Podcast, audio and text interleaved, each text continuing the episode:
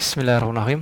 Alhamdulillah pada kesempatan kali ini kita akan mengulang kembali tentang bagaimana permasalahan lambung. Pasal lambung yang sering dikenal orang adalah gangguan mah, gangguan tukak lambung atau gangguan yang lain sebagainya. Ada salah satu bentuk yang bukan hanya dipengaruhi olehnya fisik saja, tapi juga psikis yang perlu diperbaiki. Ya, hari ini saya perkenalkan adalah madu kuning sehat lambung yang di dalamnya mempunyai dua aspek pengobatan yaitu adalah aspek yang pertama adalah psikis, yang kedua adalah fisik. Psikis sangat mempunyai peran sangat luar biasa untuk melemahkan atau terjadinya gangguan lambung. Ketika seseorang dalam kondisi lelah atau letih yang tidak menyenangkan, yaitu kekurang nyamanannya, ini akan menjadikan unsur utama di dalam gangguan lambung. Sesuatu hal lelah yang tidak menyenangkan ini, atau sering terkenal dengan gangguan stres, akan menjadi faktor utama daripada gangguan lambung. Kita lihat banyak hal orang yang di mana ketika makan telat nih, makan telat, tapi dia bekerja secara fisik dan senang.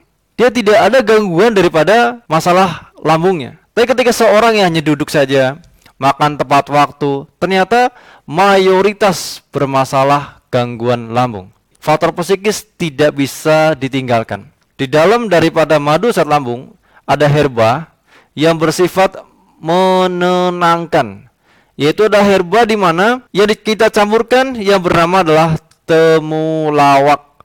Nah, temulawak adalah herba untuk pengobatan gangguan psikis. Yang kedua adalah ketika seseorang terganggu daripada permasalahan lambungnya, maka seorang berita akan merasa sering lemas, sering sakit di wala punggungnya atau pinggangnya atau dadanya bahkan lututnya lemas karena apa? Permasalahan lambatnya energi dalam tubuh. Herba yang bersifat untuk mengalirkan energi adalah herba kunyit. Herba kunyit ini akan membantu mengantarkan, menghantarkan, mengalirkan daripada nutrisi yang ada dalam tubuh.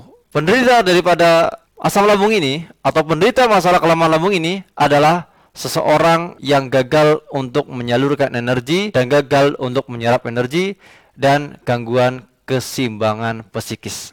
Seseorang yang sudah mulai gangguan daripada psikisnya, ini juga nanti akan bisa dilihat daripada lidah yang sudah mulai berparit ya. Jadi lidah yang berparit ini di belakang ini akan mempengaruhi adalah dua faktor. Yang pertama adalah kelemahan fisik dan kelemahan psikis. Jadi ketika kita akan diagnosa nanti sendiri, oh ternyata lidah saya tidak hanya fisiknya saja. Jadi tidak hanya nutrisinya saja. Berarti tidak hanya jadwal makannya. Oh makannya harus tepat waktu. Oh bukan. Ternyata ditambahkan lagi adalah harus tenang, harus senang, harus nyaman. Tiga faktor ini perlu diperbaiki. Kalau nggak bisa gimana?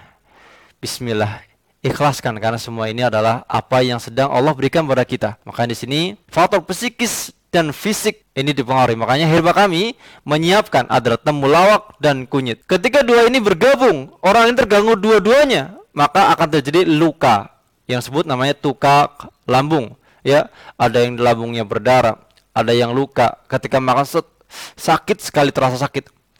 Kita siapkan herba untuk membantu luka dalamnya adalah herba mengkudu. Herba mengkudu ini bersifat untuk meregenerasi sel madu saat lambung dengan tujuh sinergi ya tiga tadi temulawak, kunyit dan mengkudu ini. Mengkudu untuk menutup luka, untuk meregenerasi sel-sel yang rusak disebabkan karena apa? Tekanan psikis dan kurangnya nutrisi.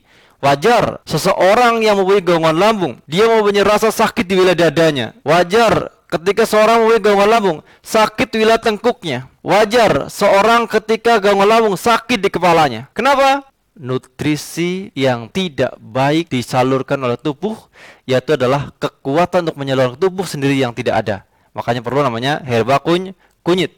Ketika luka diperlukan namanya herba mengkudu.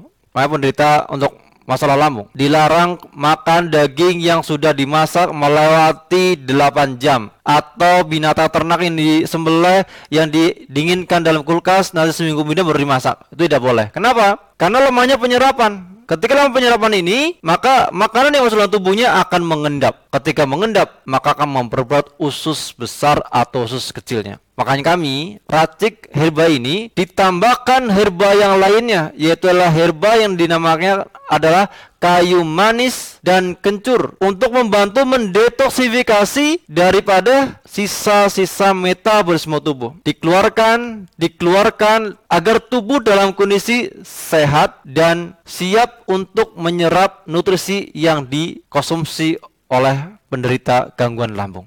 Yang selanjutnya adalah ketika seseorang penderita asam lambung ini, kenapa dilarang untuk konsumsi daripada makanan contoh adalah gula pasir, teh manis, kecap, tidak boleh. Kenapa? Makanan ini adalah bersifat glue food. Dia tuh mengendap di usus dan menyerap makanan yang lain agar menempel pada dinding usus. Makanya seseorang yang gangguan lambung ini, ususnya gerakannya lambat. Semakin lambat adalah dia mempunyai gangguan emosi. Emosi nggak nggak imbang, labil, mudah tersinggung, kemauannya keras, kalau nggak turutin ngambek. Nah hari ini kita siapkan herbanya. Ada herba jahe namanya. Tadi ada temulawak, ada kunyit, ada mengkudu, ada kayu manis, ada jahe. Jahe ini bersifat merelaksasikan, aromatik. Jadi untuk menderita asam lambung diobatin dari dua sistem, psikis dan fisik kita nyampe jahe. Jahe menenangkan dan menyenangkan. Akan cenderung ketika seorang memiliki gangguan lambung, maka terganggu namanya gangguan enzim. Kalau gangguan enzim sama dengan gangguan angin. Jadi angin dalam tubuhnya ting tinggi. Ketika anginnya sangat tinggi dalam tubuhnya, maka orang ini akan mudah letih. Mudah letih, mudah mengantuk, mudah lupa, susah konsentrasi. Bagaimana madu lambung bekerja? Di dalamnya ada namanya ketumbar. Ketumbar ini bersifat apa? Menenangkan organ pencernaan yaitu lambung, usus dan usus besar usus kecil dan dia mengeluarkan angin dalam tubuh. Maka di sini sebuah sinergi herba, sebuah kekuatan herba yang di mana herba ini akan bekerja sesuai dengan apa tugas masing-masing tanpa adanya bekerja sendiri-sendiri yang insya Allah akan memperbaiki sistem dari kekuatan lambung. Maka di sini penderita lambung, fokuslah perbaiki dua faktor psikisnya diperbaiki, tenang, senang, nyaman. Kalau berat, bismillahirrahmanirrahim. Yang kedua fisik, fisik diperbaiki daripada makanannya. Sehatkah, halalkah, sesuaikah dengan kebutuhan tubuh kita? Kalau nggak sesuai, nggak aman, lebih baik cari makan yang lain lebih sehat.